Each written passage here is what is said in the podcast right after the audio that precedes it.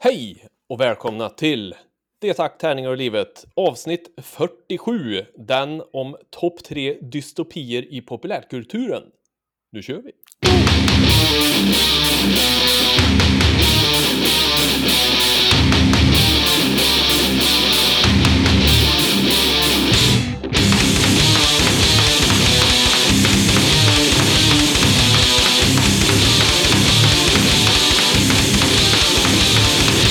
Podden görs i samarbete med Spelgeek.com, din spelbutik på nätet, och Ofog Motvalls, ett skivbolag för korta, snabba, arga låtar. In och ge oss en femstjärnig recension på iTunes för bövelen. Vill ni vara med i podden så kontaktar ni oss på detakt.spelgeek.com eller skriver till oss på vår Facebook-sida. Ja, Hej Niklas! hej Björn. Det är vi som eh, pratar strunt här, Ja, det gör vi. nästan alltid. Oftast eh, och mycket och länge. Eh, Strunt är vårt mellannamn. Som Ja. Sagt. Ja. Eh, vi vill som sagt överösas av kontakter och gärna om du spelar i något fränt band så får du jättegärna hoppa in och så kan vi spela upp det och prata kanske om det. Eller något. Mm. Kul! Mm. Hur är läget? Jo, men det är väl bra. Det är, är helt, helt ok faktiskt, tycker jag. Eh, Det är ju nytt år och grejer, så att vi, det, det är ju skönt. Vi kan hoppas på ett bättre år Ja, än sist. vi får väl se. Ja, vi får väl se. Så är det. Hur är det med dig då? Eh, jo tack, det är bara fint. Gött med tänkte jag säga, det lät som jag var full, men eh, det är jag ju inte.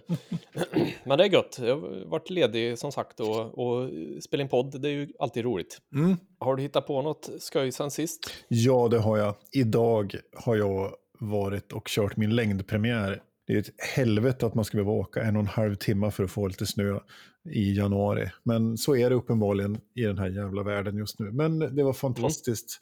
Jag och sambon var i Hovfjället här idag och eh, åkte 12 kilometer. De hade 6 kilometer spår så vi körde två varv.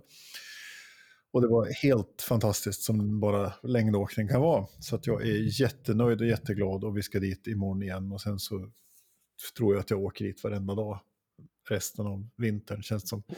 Resten av året? Resten av året. Nej, men det var fantastiskt att få äntligen klämma på lite snö och få åka lite längdskidor. Det är ju lätt den absolut bästa träningsformen tycker jag. All träningsform är av ondo, säger jag. Eh, Mitt nyårslöfte var att jag skulle bli tjockare, för jag tänkte det, jag tar någonting som jag kan hålla i alla fall. Ja, det låter bra. Om man ändå ska ha nyårslöften. Ja, Mm. Ja, det var ett fint nyårslöfte. Vad- Har du gjort något kul sen sist? Ja, jag har gjort flera grejer, men det jag tänkte ta upp här är att jag har spelat Immortals Phoenix Rising på Xbox One. Det är Ubisoft som har gjort det. Man kan säga att det är en kopia, ganska mycket en kopia av eh, Breath of the Wild. Eh, Zelda-spelet. Mm, okej. Eh, som man spelar som ett tredje person, man kutar runt i en öppen värld och så ska man rädda grekiska gudar. Okej.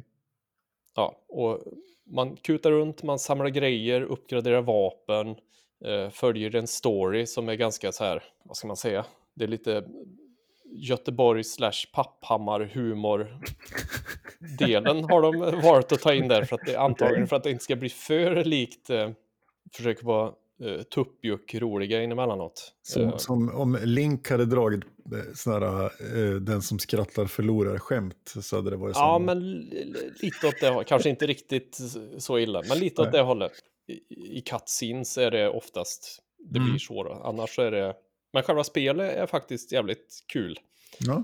tycker jag. Det har ju precis som Breath of the Wild och en del andra Zelda-spel, sådana här typ dungeons man ska klara av. Mm. Där det blir ren plattform, du ska lösa pussel och liksom eh, klara den och då klara den dungeonen och då får du grejer som gör att du kan gå och uppgradera dig själv så du får mer hälsa eller du, man kan få så här, det finns skill trees och sånt. Så det, det är ett fantasy-lir med, med lite RPG-känsla, så att säga. Ja, det är single player då. Om Mm. man eh, går runt och skaffar mounts och ja. Nej men det är faktiskt riktigt eh, jäkla kul tycker jag. Trevligt. Eh, Jag rekommenderar, det finns på Switch, det finns på Xbox, det finns på Playstation och PC och så. Ja. Eh, så Immortals Phoenix Rising rekommenderar om man gillar den typen av spel. Mm. Mm. Det lät ju faktiskt intressant. Ja, Det var länge sedan jag kittlade min Zelda-nerv, så att säga. då är det ganska perfekt läge att hoppa in. Ja, jag tänkte jag skulle recensera eh, eh, och prata om en tv-serie faktiskt. Vi har ju pratat mycket spel av och till här. Eh, jag har sett nästan hela. Jag har sett fem av sex avsnitt och det är en Netflix-serie som heter Barbarer. Eller Barbarians, eller Barbaren, som den heter på tyska. För det är en tysk serie av alla idéer. Men den är faktiskt riktigt intressant. Den är ju någon slags, den utspelar sig under romartiden och man inser när man ser den här så att, vi diskuterade ett par gånger när vi har sett den, så här, fan, den utspelar sig precis efter Kristi födelse, eller ja, år nio enligt eh, Wikipedia. När Jesus var nio bast alltså. Nej, precis, när han var nio liksom. Så, nej men, och den, alltså, romarnas invasion av Europa. Och där har man ju sett kanske ganska många filmer om eh, England, hur romarna invaderar England och Skottland och så vidare. Och, Mm. och du har eh, hela Asterix och Obelix-grejen i Frankrike. Men just Tyskland kände jag att jag, det var ett, liksom ett svart hål i den romerska ockupationen. Så det var lite intressant att man då ut, ut, utifrån tyskt perspektiv tittar på hur de germanska stammarna liksom blir, ska stå emot då, eh, Eh, den romerska invasionen så att säga. Och den, den är välgjord, välspelad, dukt, alltså duktiga skådisar, en bra story. Eh, den är högt produktionsvärde tycker jag också. Det är massor med rekvisita och, och snyggt gjort och, och sådär. Eh, så den, och det, det är en säsong, det är sex avsnitt. Och ja, jag, jag tycker den är riktigt, riktigt bra. Eh, utifrån- Actionfyllt, eller? Ja, men det tycker jag. Det är, det är bra drag och det är en hel del fighting och, och, och sådär. Nu har jag förstått att eh, jag har det blodigaste avsnittet kvar här, det sista. Men, eh, nej, men det, är, det är liksom lite rått och, och som man kan tänka sig att det var. Jag har förstått att det, det är ganska historiskt korrekt till viss del. De har gjort en hel mycket research och sådär. Eh, Men eh, det är bra på Netflix sa du, eller? På Netflix, ja. Ja, det tycker jag. Mm. Sex avsnitt, eh, 50 minuter styck. Bra, snyggt, eh, välspelat. Ja, nej, men värt, värt att se tycker jag. Jag tyckte den var bra. Okej. Så det kan jag rekommendera. Pratar om tyska, eller är det... Ja, och det är också ganska skönt att slippa den här amerikanska...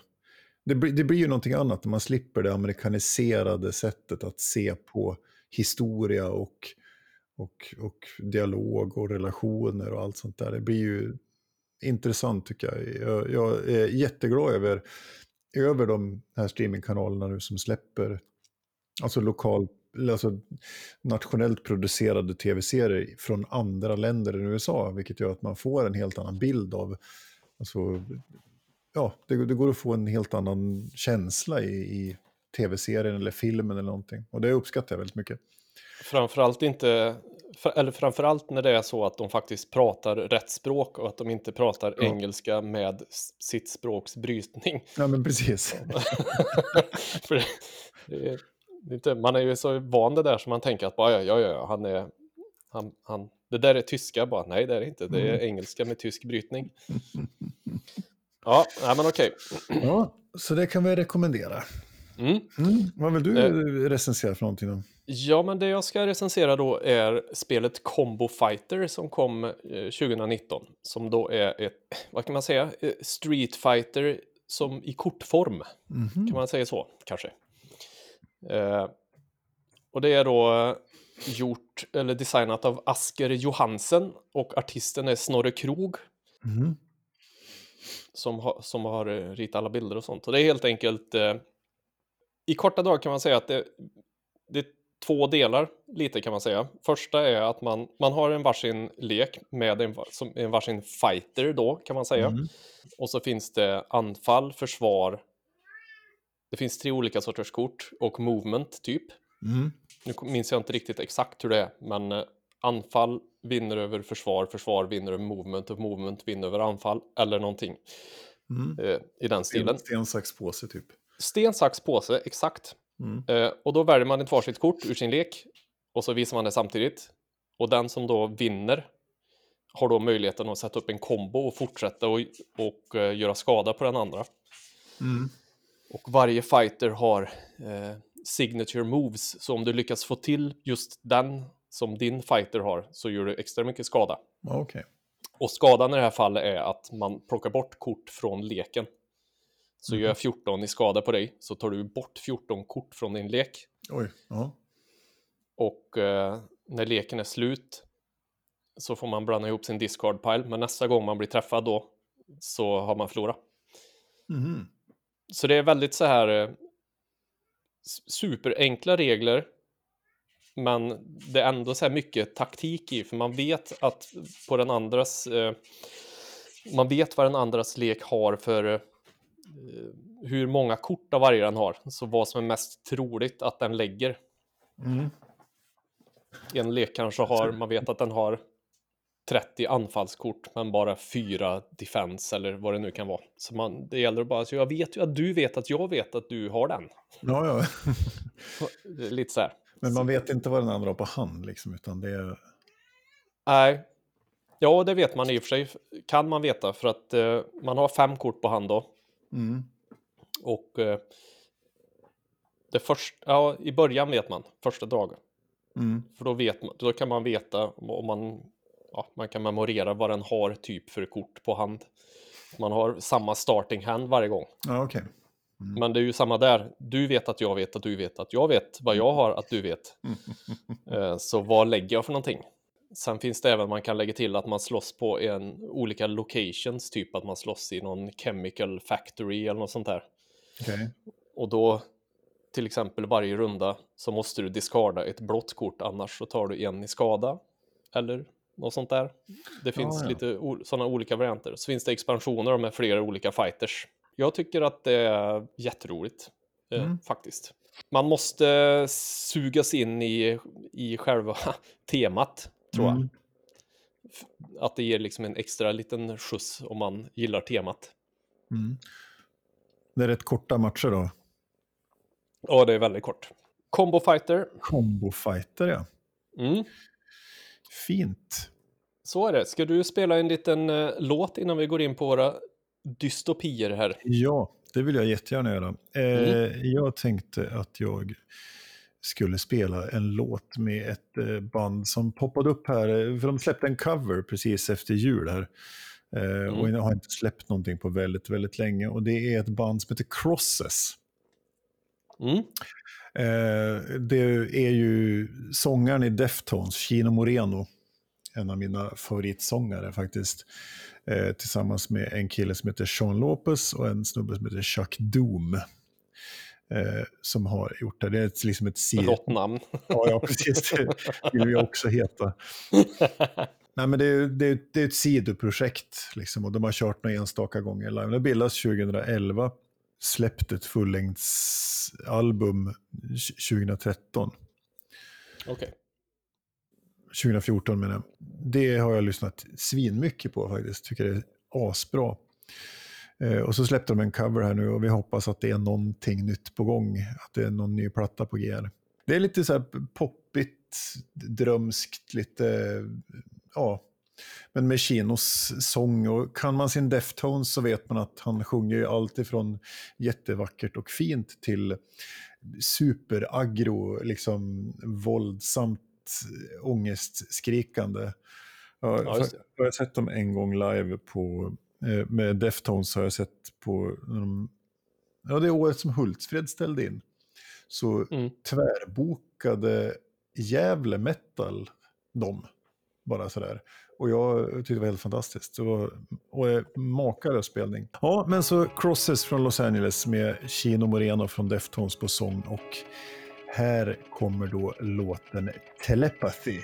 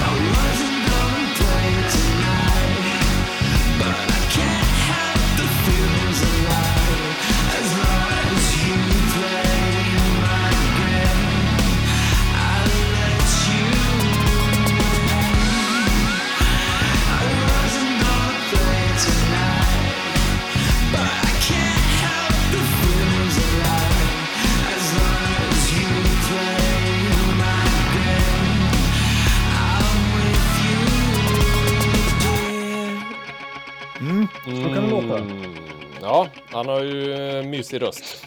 Ja, den är jättefin tycker jag. Och så är det någonting med det här svänget i Crosses som jag går igång på. Jag tycker det är riktigt nice. Mm.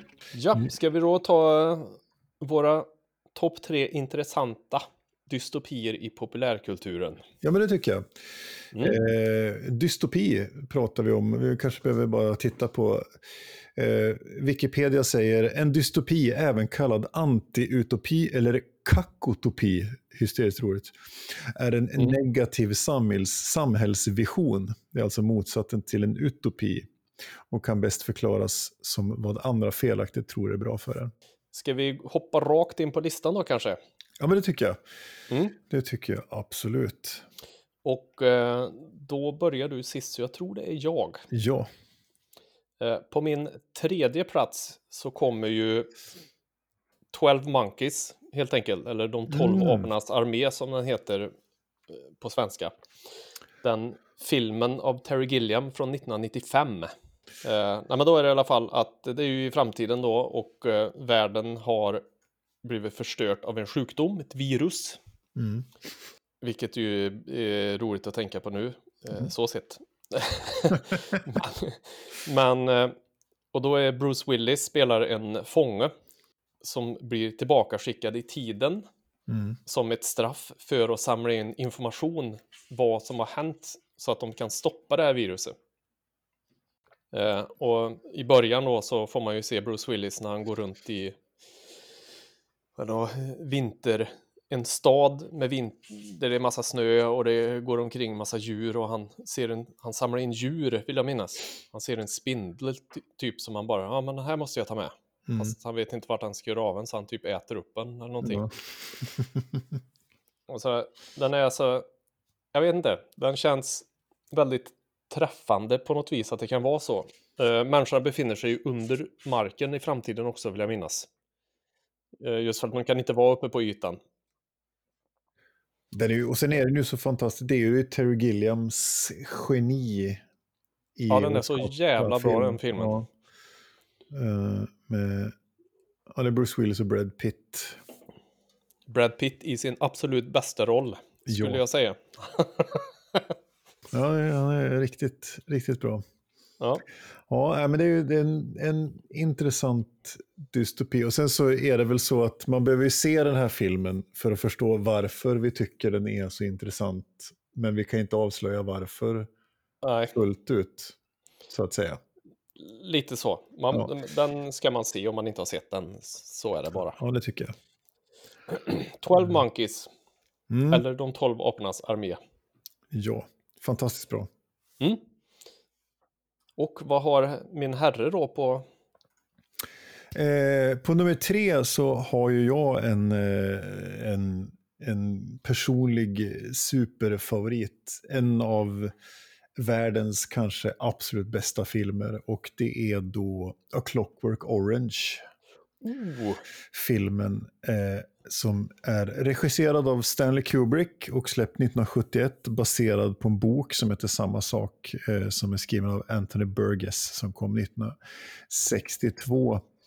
Och eh, den utspelar sig i någon slags eh, dystopiskt England i närtid. Alltså, den, den är, det är ganska, ett ganska styrt samhälle eh, där man liksom försöker kontrollera människorna. Och sen har man den här eh, huvudkaraktären då, Alex, som spelas av Malcolm McDowell, som, som är, är liksom en väldigt karismatisk person. Som, ja, de, de, de lever ut liksom sina känslor och de har ett, ett, ett gäng som de ägnar sig åt allt ultravåld och eh, håller på att spöa folk och grejer. Och, och lever. dricker mjölk. dricker mjölk i The Corova Milk Bar. Och, Mm. eh, ja, det här är ju, och den här, har man inte sett den här då, då måste man gå och se den direkt. För den är ju också helt fantastisk. Ja, den är riktigt bra. En, en liten fun fact där är att jag vann tredje eller andra pris i, i på någon maskerad när jag var utklädd till honom Ah. för länge sedan. Och då ska man veta att då har man svarta stora skor, någon slags vit sparkdräkt, suspensor utanpå sparkdräkten, käpp, hatt och lösögonfransar på ena, ena ögat. Jag kanske eh, var lite lat med det där och inte hade lösögonfransar utan eh, rita. Men ja, det är fantastiskt bra film. Det är en av mina, eh, högt upp på mina listor också faktiskt. Ja, och den kom ju då under 70-talet, 60-70-talet där man började kritisera psykvården också. Den, den, de blir, han blir ju till, fängslad, tillfångatagen och ska då vänjas av med den här våldsamheterna. Och sätts då med en, han får en hjälm på huvudet som håller upp ögonen och så ska han eh, bevittna våld så att han mår mm. dåligt. Så att om han begår våld igen så ska han må dåligt liksom och så vidare. Och det, så det är en tidig kritik mot också hur psykvården funkar och så vidare. Ja, den är en riktig klassisk favorit. Det finns några scener där som är fantastiska. Där de, de spöar upp ett annat gäng inne på en gammal biograf vid något ganska tidigt i filmen. Och det är, det är så snyggt. Det är i, och så är det i slow motion och så är det be, bara klassisk musik. Det är Beethovens nionde symfoni i bakgrunden. Liksom. Ja, var länge sedan jag såg den nu. Jag får nog eh, ta tag i det där igen. Mm. Mm. Så så är det. Så på min nummer tre så har vi A Clockwork Orange. Och då är det Stanley Kubricks film. Och jag har inte läst boken faktiskt. Vad har du på nummer två? På nummer två så har jag ju, antar jag, en crossover. Mm -hmm. Men det är ju provinsen Airstrip One, före detta Storbritannien då, i 1984. George Orwells eh, gamla, eh, gamla bok. Mm. Den är ju upphov till väldigt mycket den här boken. Den är ju upphov till Storebror ser dig. Där lever de ju, de är ju övervakade hela tiden och får inte göra någonting fel mm. inom citationstecken. och det handlar då om eh, Winston Smith heter han ja, just det. Mm. Han jobbar ju som tjänsteman då i sanningsministeriet. Så han ansvarar för att bevara parti. Det, det, finns ju ett parti. Det här, den här provinsen eller landet är ju i ständigt krig mot några, men det är, aldrig, det är ju aldrig någon som har... Det är ju, det är ju inget krig egentligen. Nej. Men, men de säger ju att det alltid är så. Eh, just för att, folk, för att de ska få folket på sin sida liksom. Så han i alla fall eh, går in och ändrar historien för att visa att partiet alltid har rätt. Ja, ja just det. Fan, det var länge sedan och, jag läste Och vet allting. Ja. Jag har läst boken, jag har, det finns ju en film också, men det är boken jag tänker på. Mm. Men det var länge sedan jag läste den. men den är alltså skriven 1948, den här boken. Ja, det är det som är, jag tycker är så fantastiskt hemskt, men också intressant. Det är ganska bra förutspått, tänker jag. Mm. För de, här, de har någon slags bild, bildtelefon i lägenheten också. Mm. De, är, de är övervakade med kamera i lägenheten, men de, jag för mig, de kan ringa till varandra och prata med varandra med bild och ljud. Ja, just det. Ja, jo, men så kan det vara. Ja. Och att, att kläcka det 1948 är ju rätt snyggt. Ja, i alla fall, han Winston Smith vill ju, han vill ju göra uppror mot storebror då som, ja. Så det här är ju en bok som man också ska läsa. Och den är ju, den kommer ju ur, alltså, den är, som sagt 1948, släpps 1949. Mm. Är med, med andra världskriget i ryggen. Och eh, vad man målade upp då, apropå att man använde då dystopin som verktyg för att eh, titta på hur, hur ska, varför måste vi stoppa nazisterna? Jo, för att de som på skapat samhälle som kommer bli helt vansinnigt. Nej, det är väldigt eh, intressant tycker jag. Mycket. Yes, vad har du på tvåan? På tvåan så har jag också en bok, en trilogi av böcker. Och eh, det är då, som jag läste för ett par år sedan här, eh, bland det bästa jag läst på senare tid. Och det är The Passage av Justin Cronin. Tre böcker, The Passage, The Twelve och The City of Mirrors kommer ut 2010, 2012, 2016. Det här utspelar sig ju Ja, den, är, den är så fantastiskt skriven för den hoppar mellan någon slags nutid och framtid. Den utspelar sig egentligen i så att säga framtiden 90 år efter att ett, ett litet eh, ett litet virus än en gång. Mm. eh, här är det däremot, eh, ja, jag vet inte hur mycket man ska avslöja heller, men det, det är ett virus i alla fall som skapar en zombie-liknande, människorna blir smittade. Och mm. de blir så kallade snabba zombies, inte långsamma zombies, utan snabba zombies. De får superkrafter. Eh, och sen så finns det några som är sentient, liksom, som är medvetande på något vis. Som, eh, som, som kan tänka och prata och tycka och, och, och så. Medan de vanliga eh, zombien, eller vad vi ska kalla det, är bara någon slags köttätarmaskin. Så.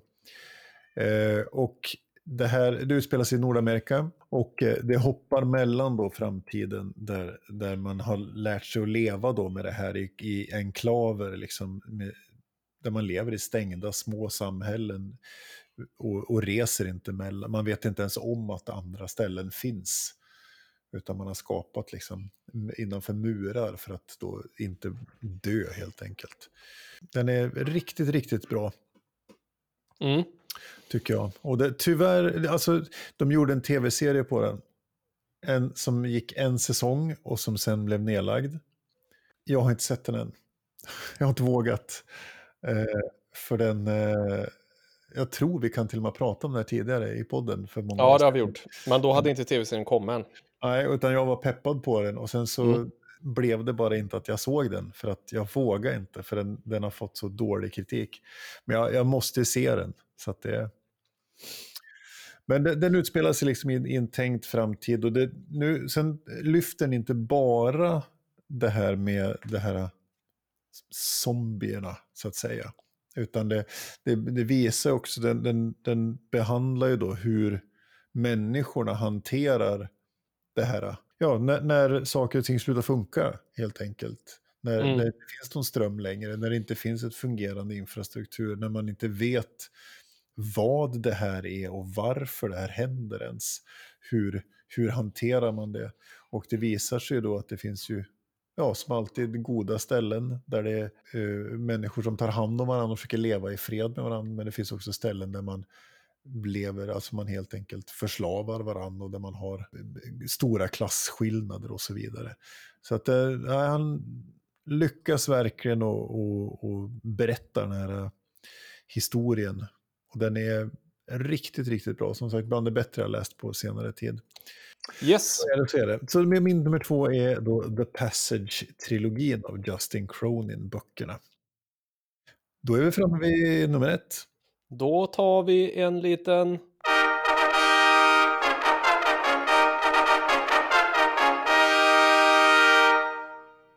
Fint. Min nummer ett. Mm. Mm. Min nummer ett är då jag har fått en bra blandning här, för jag har en film, jag har en bok mm. och nu så kommer vi till ett spel. Aha. Och då är det The Alpha Complex ifrån Paranoia-rollspelet som är den roligaste dystopin jag vet. och, eh, om man läser då lite om det här så, så hittar jag Imagine a world designed by Kafka, Stalin, Orwell, Huxley, Sartre and the Marx Brothers. Eh, mm. Uh, och då ska man då säga att det här utspelar sig i en framtid där jorden har gått under. Det har varit någon slags katastrof, så folk lever under marken i The Alpha Complex som styrs av en eh, dator. Mm. Datorn då, som är en AI, eh, något skruvad, har försökt komma på varför har, vad har hänt? Varför har jorden gått under? Mm. eh, och den, den styr då Alpha Complex helt. Den har, kom då över massa kommunistisk eh, litteratur och drog slutsatsen att på något vis så är det kommunisternas fel att jorden gick under. Okej. Okay. Och eh,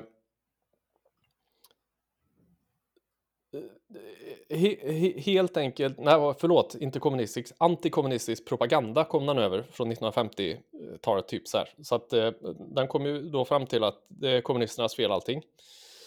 Och eh, den tror ju då att de håller på att infiltrera det här alfakomplex hela tiden. Så när man spelar i eh, Paranoia så spelar man som troubleshooters. Som i princip är personer som shootar trouble, om vi säger så. det var det svänglaste idag i alla fall. Eh, shootar trouble, så mm. ja. men alltså, eh, man får ju uppdrag då att man ska, nej, man måste leta upp, eh, det finns några mutantrebeller någonstans. All, all, och allting man gör i Alpha Complex ses ju som förräderi också. Så att mm. eh, spelare vänder sig ju mot varandra hela tiden. Och bara, nej men eh, vad fan, så där kan du inte säga. Allt, allt är förrädiskt. Kunna regler på vad man ska göra är förrädiskt. och man har då eh, som spelare sex liv, så dör en så skjuter alfakomplex ihop en ny och spottar ut någonstans. Så man ska ut och, och, det kommer iväg. Man ska göra massa konstiga uppdrag som man inte riktigt vet vad den har för betydelse. Men det spelar ingen roll för kamrat dator har sagt att eh, så här är det. Så det tycker jag är, det är min, min favoritdystopi helt enkelt. Favoritdystopi. Mm -hmm. Mm, ja, den har du pratat om tidigare och jag har inte spelat spelet. Eh, Nej, inte jag heller. Så vi måste nästan göra det. Det ska vi. En, en låda pilsner och eh, ett glatt gäng och paranoia skulle ju kunna vara hysteriskt roligt. Absolut. Vad har du på nummer ett? Håll i dig.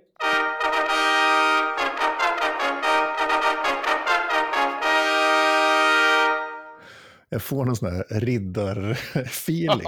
liksom, nu, turnerspel. Det är meningen.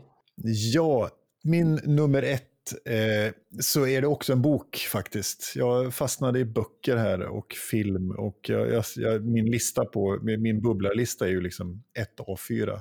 Så mm. det, det, var svårt det här. Men jag, jag, tog de tre som jag fick feeling på direkt här. Och min, på min nummer ett så har jag eh, eh, Neuromancer den fantastiska... Okay. William Gibson. Yes. Sprawl-trilogin som börjar då med... Första boken heter Neuromancer som kommer 84. Eh, sen följs den av Count Zero som kommer 87 och Mona Lisa Overdrive 89. Och det här är, den här har jag nog läst och jag vet inte hur många gånger jag har läst den här trilogin. Den är helt fantastisk. Jag förstår den fortfarande inte fullt ut, men den är, den är makalöst bra. Alltså. Man får tänka sig att han 1984 uppfinner egentligen begreppet cyberpunk i de här böckerna. Eh, och eh, Ja, den kastar sig lite fram och tillbaka den här eh, serien. Den är som sagt inte jätteenkel att och, eh, förstå vad den handlar om faktiskt. Men som sagt, Neuromancer, han började ju med en, en eh, ska man säga, hans första besök i den här världen är ju en novell som heter Johnny Mnemonic. Som sen, eh, som sen filmatiserades 96 med Keanu Reeves och Dina Meyer. Eh, som faktiskt är en, en bra film. Den utspelar sig i det här sprawl universat som William Gibson har skapat. Så han, han publicerade faktiskt sina Johnny Mnemonic första gången 1981 i den här miljön. Original, första boken, Neuromancer, den handlar om en, en, eh, en kille som heter Henry Dorset Case, han kallas för Case. Och han lever då i någon slags eh, undervärld i, i, i Japan. Och eh, han har var, jobbat som, som computer hacker, alltså deskjockey, då man åker runt och löser saker med hjälp av en, att koppla upp sig mot en, en, en matrix helt enkelt av datorer. Och många av de här beskrivningarna hur han rör sig i de här virtuella miljöerna. Och än en gång får man tänka sig, det här är 1984. Han skriver det här, William Gibson. Internet finns inte. ARPANET finns väl, det vill säga föregångaren, militära datorerna som är sammankopplade. Men internet är ju inte ens påtänkt här. Och ändå så lyckas han beskriva det på något vis. Och det är ett antal artificiella intelligenser, alltså, eller personer som har överfört sitt medvetande till en digital miljö också. Så att det, och det, är ganska, det är väldigt abstrakt. Eh, mycket som sagt, jag har läst den flera gånger och jag fattar inte allt än. För att det är, eh, ja, det är riktigt intressant. Det här är riktiga favoritböcker alltså. De är ganska korta, inte under 300 sidor styck liksom. Eh, men ja, en fantastisk beskrivning av, av en värld. Alltså just deras fascinationen av att 1984 liksom på något vis förutspå någon slags framtid som till del har inträffat så att säga. Nej, och i, i Johnny Mnemonic så, så är han ju kurir. Han ska ju transportera data och har ju någon slags inopererat chip i huvudet som han ska spara en massa information i, men han överladdar det här då. Eh, och ska på något vis komma undan någon slags gangsters eller någonting om jag minns rätt. Så filmen Johnny Mnemonic kan man mycket med behållning se. Jag tror The Finn är med där också, eh, som är en betydande karaktär i trilogin, boktrilogin. Jag har någon, eh, något jävla minne om att Ice-T är med i Johnny Mnemonic-filmen. Ja, det är korrekt. Det är väldigt korrekt. Fan vad jag minns. Mm. Dolph Lundgren är också med. Henry Oj. Rollins är också med. Oj jävlar. Ja. Så det, det finns ju massor med anledningar att se den bara därför. Min lista är på tredje plats 12 Monkeys, andra plats 1984 och första plats Alpha Complex från Paranoia-rollspelet. Mm, och min, min tre, topp tre är på tredje plats Clockwork Orange, filmen av Stanley Kubrick. Eh, på andra plats The Passage, boktrilogi av Justin Cronin. Och på första plats eh, Sprawl-trilogin av William Gibson, men framförallt första boken Neuromancer. Men då så. Mm. Tack som satan för att ni har orkat er igenom ett avsnitt till. Precis. Och... Eh, tala gärna om för oss vad ni tycker om för dystopier. Eh, ja en topp tre? Vad, har vi, vad, vad, är det för någon som vi har glömt, som vi borde ha tagit upp? Som sagt, kontakta oss gärna om ni vill eh, säga något. Tack eller hej eller tjo eller kim. Fuck off. Ja. Typ, ja. Så kan och så ses vi nästa vecka. Det gör vi. Puss och kram. Ha det gott. Ha det hej. Hej.